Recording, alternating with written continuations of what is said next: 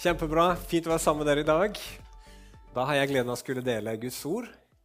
Og eh, Vi eh, holder på med en serie på Betel som heter 'Å leve i en bedre historie'. Og Jeg tar bare en sånn kjapp forklaring av den for de som ikke kjenner til det. og Kanskje vi trenger en liten repetisjon alle sammen nå. Men premisset bak denne serien det er at alle mennesker lever i en eller annen form for historie som gir livet mening, eller som vi håper skal gi livet mening, og som vi tror skal gi, gjøre oss lykkelige. Og Det kan være f.eks. materialismen, som sier at lykken fins i å ha flere og nyere ting. Det kan være andre historier som vi forteller i samfunnet vårt i dag, at det viktige er å være seg selv. Da kommer livet ditt til å bli godt.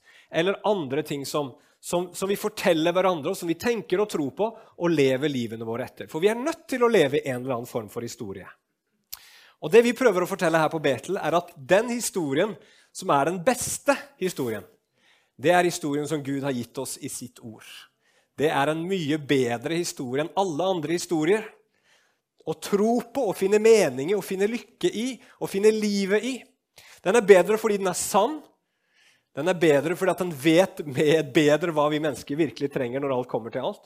Og den er også bedre fordi det er en utrolig vakker historie om en kjærlighet så stor at ikke noe menneske faller utenfor. Og Så langt i den serien så har vi brukt litt tid på å snakke om hva vi mennesker ble skapt til. Vi er skapt i fellesskap med Gud. Det er det som er meningen og målet med livet. Uten Gud så fins det ikke noe liv, det fins ingen lykke, det fins ingen tilfredsstillelse. Men i fellesskap med Gud, der finnes det sanne livet. Og så har vi begynt å snakke om hva som er problemet vårt. Hva er det som gjør at verden ikke er god? Hvorfor er det så vanskelig å være menneske? Jo, det problemet det er synd. Og For to søndager siden så prøvde jeg å forklare litt om hva det bibelske bildet av synd er for noe, hvordan Bibelen definerer synd, og hvordan eh, det stemmer veldig godt med virkeligheten, sånn som vi opplever den. Så gå tilbake og se på den eh, på YouTube hvis dere vil det. I dag skal vi fortsette å snakke om synd. Jeg lovte dere det. Tre søndager med synd. Det blir jo kjempe, kjempeoppmuntrende. Det har dere sikkert sett fram til. Eh, men det som vi skal nærme oss synd, den synsvinkelen som vi skal nærme oss synd ut fra, det er Er det godt? En veldig aktuell synsvinkel. Er det godt for mennesker er det godt å snakke om synd og ting som har med synd å gjøre? Er det noe godt? Og Grunnen til at vi stiller det spørsmålet, det er fordi at i dag, når mennesker eh, er på en måte motstandere av kristen tro, og prøver å tilbakevise kristen tro, så er det ikke så mange mennesker i dag har jeg inntrykk av, som er opptatt av å bevise at Gud ikke fins. Men veldig mye av kritikken av kristen tro nå til dags det har med at kristen tro er usunn å gjøre. At kristen tro er menneskefiendtlig, og at kristen tro er umoralsk. La meg gi et par eksempler på det. Eh, ganske nylig så leste jeg i Dagen, den kristne avisen, at det var en amerikansk artist fra USA som skulle hatt en konsert i Bergen i eh, et eh, lokale der som heter Forum. Men hun ville ikke ha den konserten der, fant hun ut, fordi at det var eid av pinsevenner, som ifølge henne var homohatere. Det var det hun, hun sa. Dermed så sier hun at den troen som vi kristne har, vi pinsevenner og mange andre kristne sammen med oss, de fleste kristne i verden, hvor ekteskapet er en institusjon som Gud har fastsatt mellom én mann og én kvinne for livet. Det er ikke en god tro. Det er en umoralsk tro, sier denne kvinnen. Eller et annet eksempel. Han som er leder i Åpen eh, folkekirke, han var iallfall det en tid tilbake. Han mente at et kristent, klassisk kristent syn på ekteskapet det leder mennesker inn i skam og selvforakt. Altså Det er usunt, sier han. ikke sant? Det er ikke godt for mennesket å tro på dette her. Og jeg tror at vi alle sammen har hørt mennesker Vi hører det i mediene, vi kan, kan kanskje høre det i samtaler som vi har med mennesker, at de sier noe sånt som at 'Nei, jeg kan ikke tro på en Gud som gjør sånn og sånn eller er sånn og sånn', sier folk. Jeg kan ikke tro på en Gud som f.eks. dømmer mennesker som ikke tror på han, til fortapelse. Det er et ganske vanlig eh, ankepunkt som mennesker har mot Gud. For da tenker man det er ikke bra. Det er ikke rett. En kong Gud kan ikke være en god gud, sier man. Og det her med fortapelse det er heller ikke noe nytt. Jeg bare studerte litt denne helvetesdebatten som var på 50-tallet. Jeg var ikke født ennå da, men da var det altså en, en, en debatt i norsk eh, offentlighet om dette med helvete pga. en tale som hadde gått i radioen av Ole Hallesby. Og da sa en liberal biskop som het Schjelderup på den tiden at sånn forkynnelse er ikke bare feilaktig, men den er skadelig. Det er usunt. Dette er ikke godt, sier mennesker.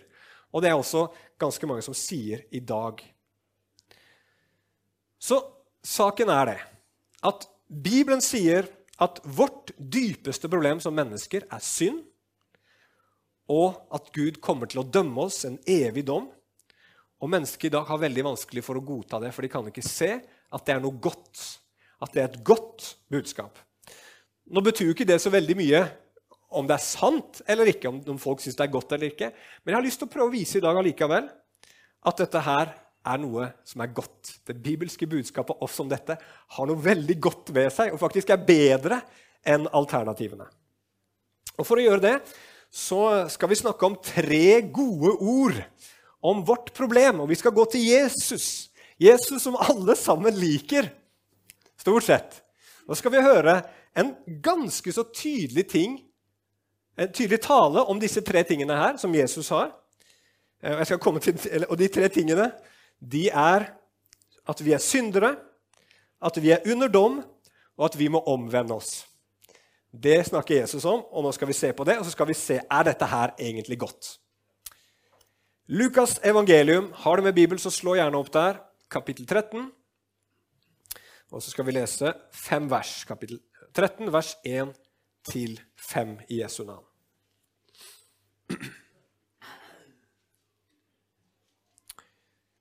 Og der står det På denne tiden var det også noen til stede som fortalte Jesus om de galileerne som Pilatus hadde tatt livet av, og latt deres blod blande med blodet av slaktofrene deres.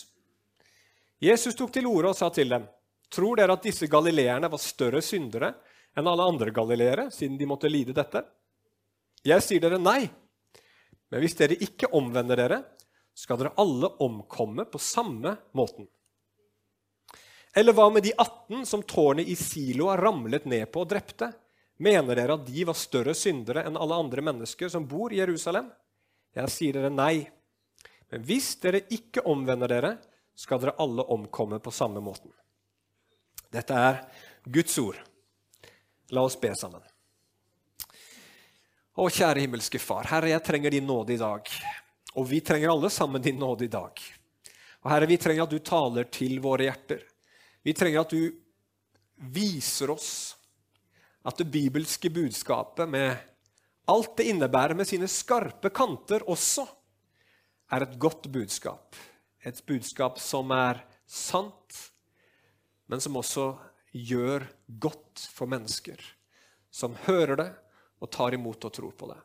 Og Jeg ber nå Jesus om at du må hjelpe meg til å formidle det på den rette måten. Og at du kan gi oss et forsvarsverk mot et samfunn som kritiserer oss, og som ser ned på oss, kanskje, og som anklager vår tro for å være noe usunt og noe menneskefiendtlig. Herre, hjelp oss i dag å se at det du sier til oss om synd, om dom, om omvendelse, det er gode ord til liv. Å Hellige Ånd. Hjelp meg, hjelp oss i dag i Jesu navn. Amen. Jesus han sier i den teksten her for det første at vi er syndere. I vers 4 så er det et ord som kanskje best ville vært oversatt skyldnere. Altså vi er syndere eller skyldnere. Er det en god ting for mennesker å få høre at de er syndere? Er det godt for deg å få høre at du er en synder. La oss først begynne med bare ordet synd, eller skyld. Er det noe godt? Jeg tenker det at selv om man i dag i samfunnet ikke bruker ordet synd så fryktelig mye, så klarer man ikke å rømme fra konseptet at mennesker vil gjøre ting og har holdninger som, vi, som er forkastelige, som ikke er bra. Det er så mye kritikk i samfunnet vårt i dag av f.eks. diskriminering. Det er en slags synd i samfunnet vårt i dag. Mobbing, rasisme, ekstremisme, miljøsynder, sier man til og med. Så selv om man ikke bruker ordet, så kommer vi ikke utenom at det finnes noe vi alle mennesker mener er galt. Og vi kommer ikke utenom at noe må være galt. Men det som skjer litt i vårt samfunn i dag, synes jeg er veldig interessant, det er at man snakker om disse tingene på en veldig fordømmende måte. faktisk. Og Før så anklaga man jo kristne for å være sånne pekefingerkristne. ikke sant? Eh, jeg vet ikke så veldig mye om det, jeg har ikke opplevd så veldig mye av det selv. Men folk sier det, det er helt sikkert ikke uh, uh, feil, det. Men i dag så er det ikke vi kristne som bruker pekefingeren mest. Det er veldig mange andre grupperinger som er fryktelig glad i pekefingeren. Det er mye fordømmelse i samfunnet vårt i dag. Og Derfor er det mye skam og mye skyld også. og vi skal komme tilbake til det. Eh, men dette nye syndesystemet som vi har i samfunnet vårt i dag, det har et par problemer. For det første så er dagens synderegister det er stadig i utvikling. Så Det fins en del komikere, f.eks. i USA, som er nødt til å legge seg paddeflate nå pga. vitser og, og, og liksom sketsjer de hadde for ti år siden. For For ti år siden var det akseptert å tulle med disse tingene. Men nå har de ikke akseptert lenger. Så nå må de plutselig bare be om tilgivelse. Nei, unnskyld, jeg burde visst bedre, jeg burde visst bedre. Selv om ingen visste bedre for ti år siden. for å si det sånn. Og Dermed så er det veldig vanskelig å være komiker i USA også, for de er redde for at hvis de tuller med noe nå, så kommer de til å få problemer om fem eller ti år. Synderegisteret er stadig vekk i, eh, i, i utvikling. Da. Og for det andre så er det også litt problematisk, eller veldig problematisk vil jeg si, i det samfunnet vårt som har blitt så fordømmende, at det fins ingen allment akseptert måte for å få tilgivelse på. Hvordan kan du bli helt tilgitt? Jeg vet ikke om det var noen av dere som fulgte med i mediene her i, jeg tror det var i uka, forrige uke eller uka før det. Det var tre kvinner som hadde starta opp en klinikk for kvinnehelse. Og de har fått så ørene flagrer fordi at eh, de skulle tilby kosmetiske operasjoner òg. Jeg har ikke satt meg inn i alt dette her, og jeg er ikke her for å liksom, eh, forsvare ansiktsløftning og sånt. Men jeg bare merka meg med hvor, hvor, fordømmende samfunnet og mediene var mot disse kvinnene. Hvor harde man var mot dem. Og de forteller selv at de opplevde dette her som helt forferdelig. Helt grusomt har de hatt det. Og nå legger de seg paddeflate i håp om at nå skal de bli tilgitt. Men blir de tilgitt? Hvem vet? Det er ingen som vet om de blir tilgitt nå. Kanskje er du heldig, så blir du tilgitt. Men kanskje det bare er for en periode, og så nei, så må vi ta det fram igjen. Eller kanskje er du ute i kulda resten av livet. Mange er uenige med kristen etikk, men jeg mener at den er mye bedre på mange områder. For det første så er kristen etikk prøvd over lang tid. Og den har vært grunnvollen for de beste samfunnene i historien. De har ikke vært fullkomne, men de har vært de beste. Sammenlign med hva du vil. Det kristne Vesten har vært, det har vært, ikke vært så mye frihet, så mye eh, eh, rettferdighet i andre riker som i det kristne Vesten. Det tror jeg man kan slå fast. Det andre som er bra med kristen etikk, er at den forandrer seg ikke hele tiden. Du vet hva du har å gjøre med. Da kan du være trygg på hvert fall at du gjør noe rett. Og ikke minst, det fins en måte å få full tilgivelse på. Garantert. Og det skal vi også komme tilbake til. Men så er dette spørsmålet her. En ting er jo greit. Det er jo greit å si at mennesker gjør synd av og til. Det kan vi være enige med. Å si at mennesket er en synder, er ikke det et fryktelig negativt og destruktivt menneskesyn? Er det ikke sånn at det fører til selvforakt, og det fører til skam? Og det hindrer mennesker i å utfolde seg som mennesker. Men her også så mener jeg at det er feil, og at det er egentlig motsatt som er sant. Du får et mye bedre samfunn hvis du sier at mennesket er en synder. Det første som jeg tenker på, det er at det gir, setter alle mennesker på like fot. Det gir en radikal likestilling. Og Det er det mange som er glad i å snakke om. Og Det er det Jesus sier i denne teksten her òg. Hvis dere så, eh, fulgte med, så var det altså noen som kommer og forteller Jesus at åh, det var noen jøder, og de holdt på å ofre ofrene sine i tempelet. Og så kommer Pilatus og så dreper han disse jødene. Kanskje de hadde gjort noe, vi vet ikke hva som var grunnen til det. Sånn at blodet deres blanda seg med blodet til disse offerdyrene. Og så tenkte man sikkert at de der De må ha vært noen fryktelige syndere siden de døde en død som det. Og Så forteller Jesus ja, det er en annen historie sier Jesus, om, om noen folk som, som et tårn ramla over. 18 stykker, og de døde. Var de verre syndere siden de døde før tiden og på en sånn feil måte som det? Og Da sier Jesus nei. De var ikke noe verre eller bedre enn alle sammen. Alle er syndere. Alle mennesker står fullstendig på like fot.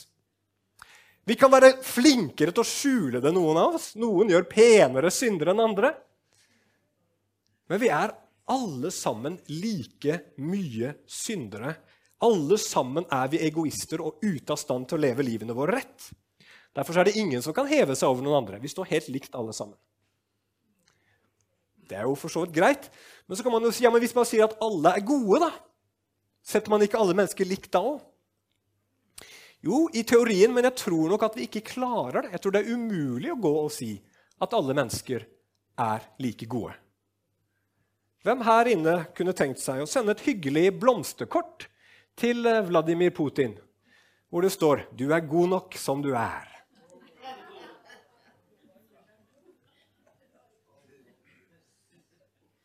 Og Det fins mange mennesker du ikke ville sendt et sånt kort til. For du mener de er ikke gode nok som de er. Og det er ingen som gjør. Vi klarer ikke å tro at alle er like gode. Men når vi sier at alle er like gode, så tenker vi som oftest på oss selv og på de som er like oss, og de som tenker som oss. Og så deler vi plutselig verden inn i to grupperinger. De gode, som jeg selvsagt er en del av, og de som ikke er det. Og hva fører det til? Jo, det fører jo til diskriminering, det fører til Urett, overgrep, krig osv. Og Har ikke vi kristne vært skyldige i det? Jo, dessverre så har vi det. Men det handler jo mer om at vi ikke har skjønt at vi alle sammen står på like fot. Vi har ikke noe vi kan si at de er verre enn oss. Vi har ikke mulighet til det ut ifra det Bibelen sier. Det negative kristne menneskesynet gjør at vi alle sammen ser likt på hverandre og ikke har lov til å heve oss over noen andre. Skal jeg fortelle noen som har et positivt menneskesyn, som vi kan lese om i Bibelen? det var fariseerne. De hadde et positivt syn på mennesket. For de tenkte det at hvis mennesket bare vil nok, hvis mennesket bare bestemmer seg nok, gjør hard nok innsats, så kan de klare å leve etter Guds bud og leve etter Guds lov. Og hva skjer da? Jo, da tenker jo fariseerne, som har inntrykk av at de klarer dette her, at grunnen til det må jo være at de er bedre mennesker enn de andre. De har gjort innsatsen, de har gjort det de skulle. Og dermed så er de beviselig gode mennesker. Mens de andre som ikke klarer å leve så bra som de, nei, da må det jo være latskap, eller at de ikke vil nok, eller at de ikke bryr seg, som gjør at de er sånn som de er. Og dermed så vokser det fram noe som vi kaller for selvrettferdighet. Jeg er god, du er ikke så god som meg, og når jeg ser på deg, så skjønner jeg hvor god jeg er. Og Da blir man fryktelig god til å peke på flisen i sin brors øye, som Jesus sier, men ikke se eh, bjelken i sin nestes øye. Bjelken i sitt eget øye. Det var riktig. Takk for hjelpen. Sånn går det når man prøver å snakke og lese samtidig. Det er godt dere følger med. Det, det var jo veldig positivt for meg. da. Det er jo noen ganger folk sier amen på feil plass. det vet jeg. Da, da, skjønner jeg at ok, nå, nå, nå kommuniserer jeg dårlig, ellers sitter folk og tenker på noe helt annet. Og jeg vil til slutt si rundt dette her med, med, med, ordet syndere at jeg tror faktisk at hvis man snakker om alle mennesker som syndere, så blir det mindre skam og mindre selvforakt av det. Hvorfor det? Jo, jeg tenker at hvis du går rundt og tenker at alle mennesker er veldig gode, og er gode, hva da når du tabber deg skikkelig ut, gjør noe skikkelig dårlig? Hvordan kan du klare å leve med deg selv da? Hva skjer hvis du går rundt og tenker alle er gode, og så har jeg gjort dette fryktelige fæle? Blir det skam av det? Ja. Våger man å fortelle noen andre hva man har gjort da? Nei. Blir man nødt til å prøve å fortrenge det og unnskylde det og gjøre det så lite som mulig i sine egne tanker? Ja. I et samfunn hvor vi tror at alle er gode, så er det mye lettere å la seg lure av andre menneskers fasader er det mye lettere å tro at det jeg, inntrykket jeg får av andre mennesker, det stemmer med virkeligheten. Men så ser mitt eget liv, og det er jo ikke så bra i det hele tatt. Og så føler vi oss mindreverdige, så føler vi på skam, for vi klarer tydeligvis ikke å leve livene våre like godt som vi ser at alle mennesker rundt oss gjør. Deres familie sitter og fungerer så mye bedre. Deres ekteskap ser så mye lykkeligere ut. Deres liv er så mye eh, mer eh, flott og fint enn det mitt er. Men hvis du vet at alle mennesker er syndere, så kan du se tvers gjennom alle disse fasadene og vite det at ingen får det til. Og, og, og vi, vi, er jo sånn, ikke sant? Vi prøver jo å gi det beste inntrykket vi klarer til andre mennesker. Men det er jo ikke sannheten om hvem vi er. Sannheten er at vi er syndere alle sammen, og det kan du heldigvis se gjennom hvis du tror at alle mennesker er syndere. Og så kan du også være mer du kan, du kan klare å akseptere mer dine egne feilgrep. For du vet at sånn er vi alle sammen. Vi gjør feil alle sammen. Jeg har gjort noe dumt, men det har vi alle sammen antageligvis gjort på et eller annet tidspunkt i livene våre. Og så kan man se at ok, dette var ikke bra, men det ekskluderer meg ikke. Det gjør meg ikke til et undermenneske eller et verre menneske enn alle andre. Så jeg tenker at det faktisk er ganske befriende å innrømme jeg er en synder, og jeg får ikke livet mitt til. Men hvis han bare sier det, så kan det jo bli litt, eh, litt uh, håpløst. Og Derfor har kristen tro en del mer å si om saken nå. Så nå skal jeg komme med én dårlig nyhet til, uh, og så kommer det en litt bedre nyhet til slutt. Går det greit? Ja, ok. For Jesus Nå kommer vi til dom, da. Og Jesus han sier ikke at vi alle sammen bare er syndere på samme, samme nivå, men vi er alle sammen under samme dom. Eh, det betyr ikke at alle sammen her kommer til å oppleve at et tårn faller over dem, sånn som det skjedde med disse 18 som Jesus sier. Selv om han sier dere skal omkomme på samme måten som de, sier Jesus. Men han mener ikke at da kommer alle til å dø på sånne tragiske måter. Men ordet 'omkomme' her er det samme ordet som vi nettopp sang i stad. Gå fortapt. Dere skal gå fortapt på samme måte som dem. Og Når man skal snakke om kristen tro, så kommer man ikke utenom ord som synd, som dom, evig liv og fortapelse. Det er i Bibelen, og hos Jesus spesielt, og er helt uunngåelig. Er det godt? Og Jeg nevnte i stad denne helvetesdebatten. Eh, og, Det var da Ole Hallesby som jeg sa i sted, som hadde en radiotale hvor han advarte mennesker om at hvis dere ikke setter deres lit til Jesus, og dere dør, så går dere fortapt. Og Jeg leste litt om det, som jeg sa, og det fortelles at det var mennesker som løp og gjemte seg under senga da de hørte denne talen. De var så redde. Og da må man jo spørre, Er det ikke da traumatiserende å ha en tro hvor det fins en evig fortapelse? Og er det ikke umoralsk av Gud å gjøre det? Altså, Er det rett av Gud å sende mennesker til fortapelse bare fordi de ikke tror på Han? Og så spør man også spørsmålet hvordan er det mulig hvis Gud er kjærlighet? Hvordan all verden kan dette med dom sånn som Bibelen forklarer det, være noe godt. For det første så tenker jeg at det at det fins en dom etter døden, eh, det er i og for seg en bra ting, fordi eh, det skaper rettferdighet. Tenk på alle de menneskene som har gjort onde, vonde ting i løpet av livet, aldri blitt holdt ansvarlig for det. Og tenk på de menneskene som har gjort enormt mye godt, og aldri fått noe som helst belønning eller applaus for det? Er det ikke litt bra at det fins en Gud som etter døden skal få regnskapet til å gå i balanse? Er det ikke bra at Hitler ikke slapp unna da han tok livet sitt etter alle de grusomhetene som han hadde gjort? Og at vi vet at Putin, uansett hva som skjer nå, så må han en gang stå ansvarlig overfor Gud? Er det ikke godt å vite også at de som har gjort stygge, onde ting mot deg, og som ikke har fått noen ting, konsekvenser av det, en dag skal bli holdt ansvarlig for det overfor Gud. Jeg tenker det at Tanken på at Gud skal dømme hvert menneske, er kanskje den beste motgiften mot hevn og mot uh, at man tar loven i egne hender. Sånn var det jo i Norge før i tiden, før kristendommen kom. Det var sånne blodhevnopplegg som gjorde at man hadde sånne etterfeider som bare gikk og gikk og gikk. Men når kristendommen kom med troen på en Gud som dømmer, så ble det fred. Fordi man dom, overlot dommen til Gud. Men så er det et problem til. og det er at Guds dom sånn som vi leser om den i Bibelen, virker så ekstrem. Altså Det er fint at Gud skal dømme mennesker etter døden, men hvorfor evig pine, liksom? Hvorfor kunne ikke Gud gitt oss fengsel et par tusen år, f.eks.? Og så etterpå så fikk man komme til himmelen eller paradis.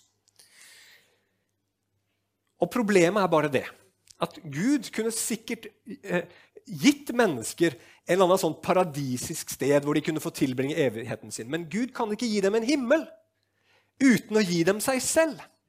For himmelen per definisjon det er å leve i fellesskap med Gud, som den man elsker, som den man tilgir, som den man eh, tilber, unnskyld, som den man gjør til sentrum.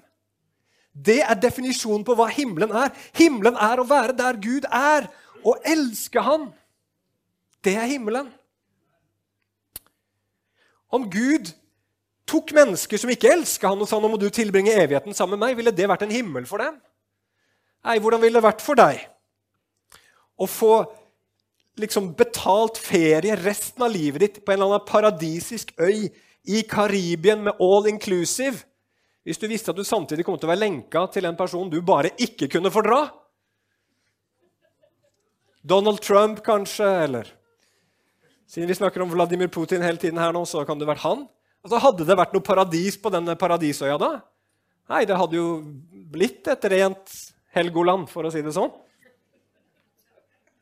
På sikt. Ja, men er dere enige? Så for et menneske som ikke tror på Gud, som ikke elsker Gud, som ikke ønsker å være med Han, så kan ikke Gud gi det mennesket noen himmel. Og da sier Gud til det mennesket i sin, i sin kjærlighet ok, du velger sjøl, du får det du selv vil ha. Du får en evighet uten meg, hvor du kan være din egen herre og din egen Gud. Og det står aldri i Bibelen at Gud piner mennesker i fortapelsen. Det står bare at de blir pint. Og det tror jeg kommer av nettopp det her. At uten Gud så fins det ingen glede. Det fins ingen fred. Det fins ikke noe håp. Og da blir det som Bibelen sier, gråt, og det blir tenners gnissel. Du kan holde det ut en stund, men når du skal være der i all evighet, så blir det fortapelse, og det blir ikke godt. Men så er det jo sånn i Bibelen da, at Jesus snakker ikke bare om synd og om dom, men han snakker om mer. I den teksten her så snakker Jesus om omvendelse. Han sier ja, det fins en fortapelse, men det er ikke sånn at det er noe automatikk i at du er nødt til å gå dit. Det skjer bare hvis du ikke omvender deg. Med andre ord hvis du vender om, så skal du ikke gå fortapt. Og Hva betyr det å vende om? Å vende om betyr ganske enkelt i Bibelen å endre livet sitt. Å slutte med det som er galt, og begynne å gjøre det som er rett. Slutte å leve uten Gud, begynne å leve med Gud. Slutte å gjøre synd, begynne å gjøre rettferdighet. Slutte å leve egoistisk, begynne å elske sin neste. Er det gode nyheter?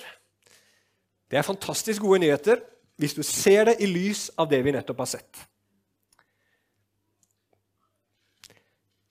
Det betyr for det første at Gud må gjøre det. Gud er nødt til å frelse oss.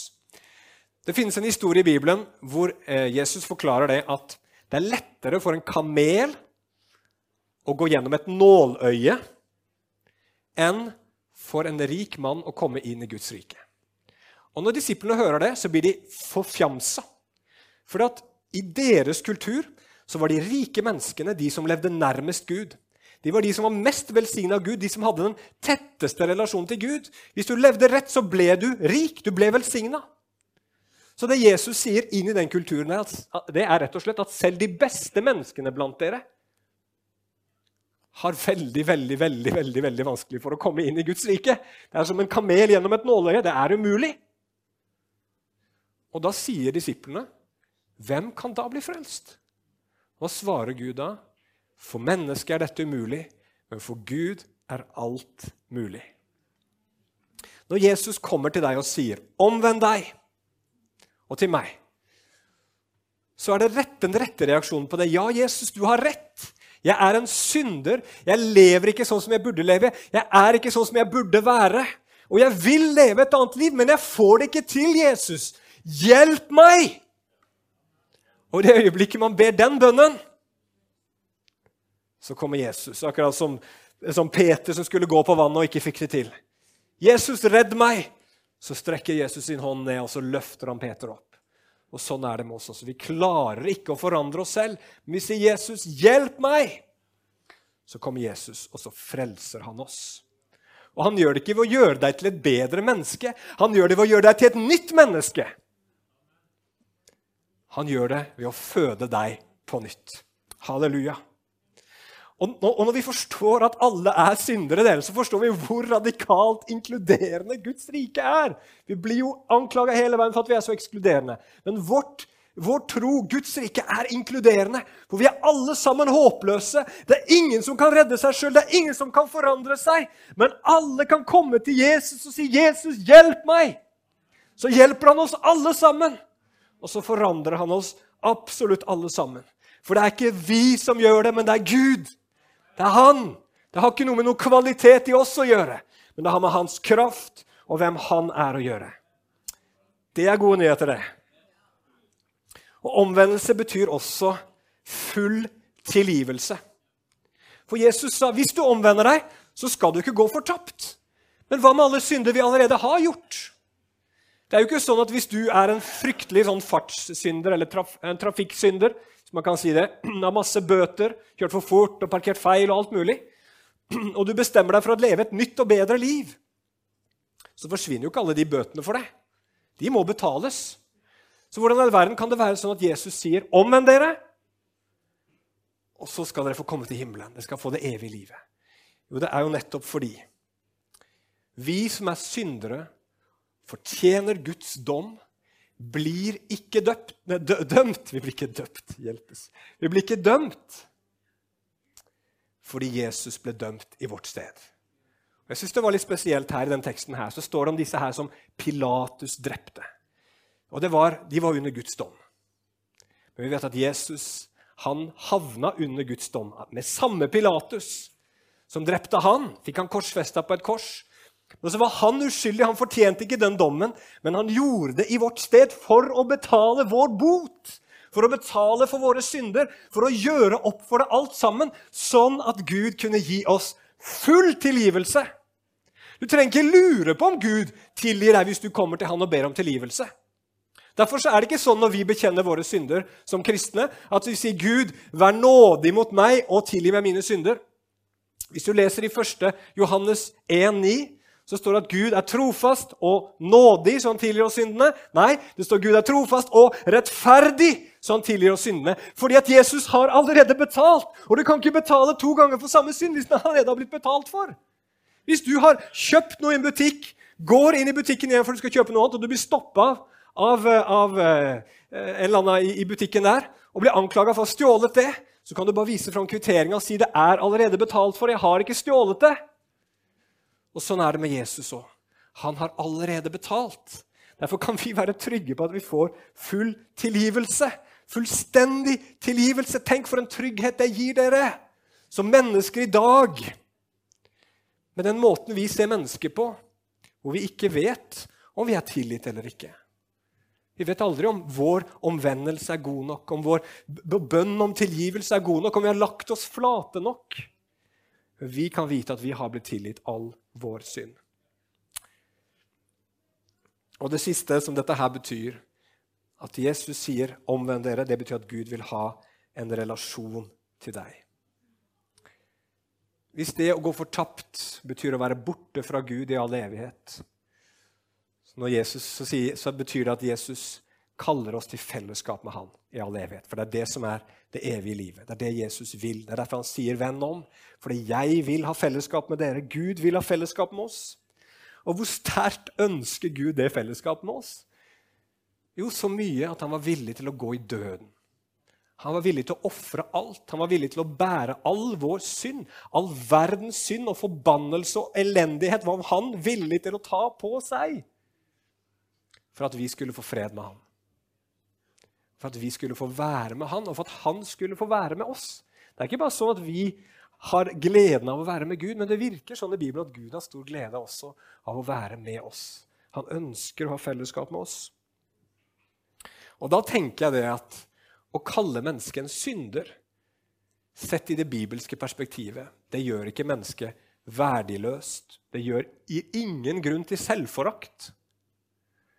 Fordi at vi tror at selv om vi var syndere, så elska Gud oss så mye at han ville betale den høyeste pris som var mulig for at vi skulle bli tilgitt og få fellesskap med han, for å kunne være med oss.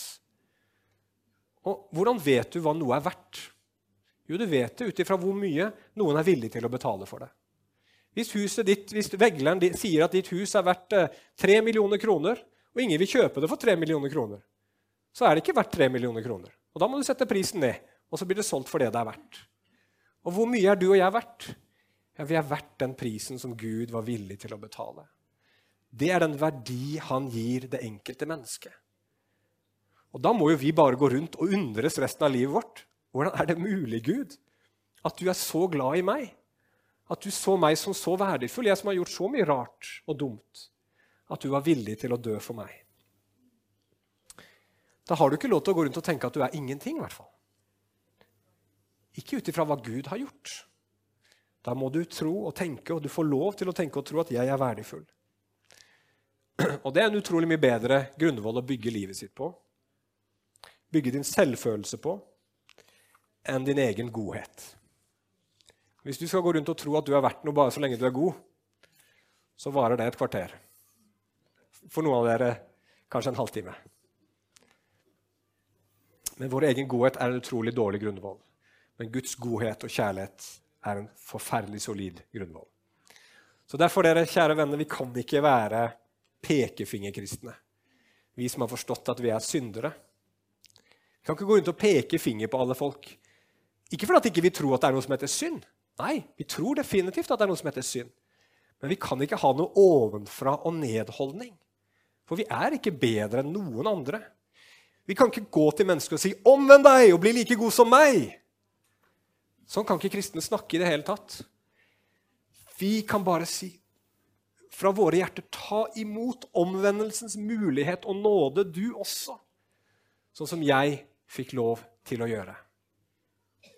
Jeg er så frimodig. Jeg syns ikke vi kristne skal slutte å snakke om synd, at mennesker er syndere, at, at det fins en dom osv.